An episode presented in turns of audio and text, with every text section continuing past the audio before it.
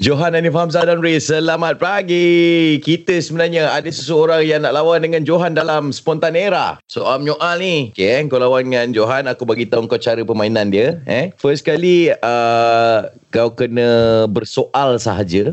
Eh? Dan kau tak boleh keluarkan kenyataan langsung. Lepas tu soalan kau nak kena laju lah. Dia tak boleh slow. Kau fikir. Itu dah out dah eh. Lepas tu kau kena bagi soalan yang logik je berdasarkan situasi. Okay, situasi nanti Ray bagi. Cuma aku bagi kau advantage lah. Hmm. And kau hanya perlu bertahan sebanyak 10 soalan je lawan dengan Johan tu. Kau dah kira pemenang dah. Dia ni tahu ke tak tahu dek? Okey lah pasal kau macam tak tahu 8 soalan je lah. Ha, 8 soalan kau dah kira pemenang. Eh, An eh, aku belanja dia An eh. Boleh. Situasinya tengah fikir, dua orang yang tengah fikir macam mana nak buat kicap merah. Okey, uh, selepas bunyi loceng, uh, Syah akan mulakan dulu. Siap sedia Syah? Uh, padam ke kau. 3, 2, 1, spontan era. Pedas tak sama merah tu?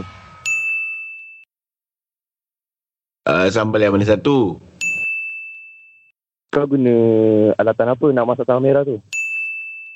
Sambal kicap ke sambal merah ni? Berapa banyak lada kau gunakan? Kena pakai lada ke? Kau beli lada kat mana? Apa ni? Kau beli lada tu dekat mana? Alamak. Alamak, kacau Ulang lah. soalan lah. Ulang dia? soalan. soalan. Lepas tu kau pergi ulang soalan kau yang sebelum tu buat apa? Aduh. Aduh.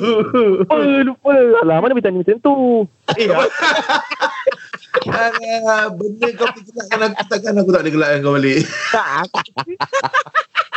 Balik boleh lah, mana, mana boleh macam tu? Pasal kau kan, pasal baru-baru lagi kan, nak main spontan ni. So, soalan-soalan macam tu akan terperangkap lah. Kan? Baik kau umum lah, baik kau umum. Sambal kicap merah, sambal Johan, kicap. Johan, Johan. Sorry, sorry, sorry. Ya, Syah, Syah. Apa- Apa apa dia? You win. Oh, okay, é. baik, baik, baik. Eh.